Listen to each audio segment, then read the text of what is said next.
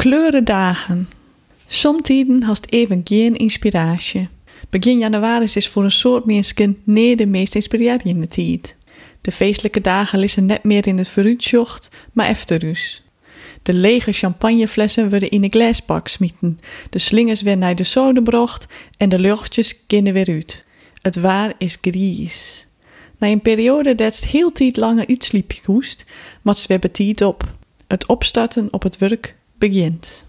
Dat je eerder al gauw weer in het werkritme zitten en je collega's om je heen hienen om mij ook hoor een frisse start van het jaar te meidje, in oor on te wakkeren en mij in naar je plannen te meidje, bet je het opstarten voor mijn collega's en mij dit hier nees oors als het iepen klappen van je laptop.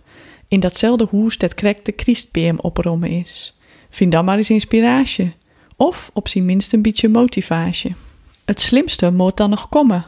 Op net. Komende Monday stiet bekend als Blue Monday. De derde Monday in januari zou berekenen en verkondigen een psycholoog hier en waarom, zo namelijk de meest deprimerende dag van het ierwezen. Soe, want wetenschapers binnen het er al lang en breed oer eens dat je dit hier en daar net berekken je kennen en dat het tegen persoons boen is hokker kleur en dij had. Sjoh, wetenschap had duidelijk wel nut. In 2020 bestegen de KNW al omdenken over het feit dat Blue Monday eens net bestiert.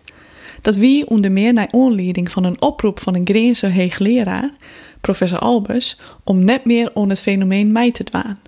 Want om wat net bestiert kies net mij dwaan en hoest net te dwaan. Maar de seinen van de wetenschap maar wat oer een positieve boeg smieten. Dat jou toch een beetje inspiratie. Inspiratie, dat hebben we in de academia constant nodig. En gelukkig is daar ook een soort van te vinden. Daarom ben ik blij dat gewoon van mijn collega's gehoorjoen hebben om mijn vragen aan hadden, om haar hichtepunten van verliezen hier en haar een goede voornemen voor takomier bij mij te dealen. Van tankbarens voor fine je collega's dat men graag meer mijn geerwerkje wil, het opzetten van nieuwe onderzoeksprojecten in keerwerking met oren, het meer mijn collega's op kantoor werken altijd weer kin, ta het leren van een nieuwe taal. Of het nou Fries als tweede taal of een orentaal als derde taal is.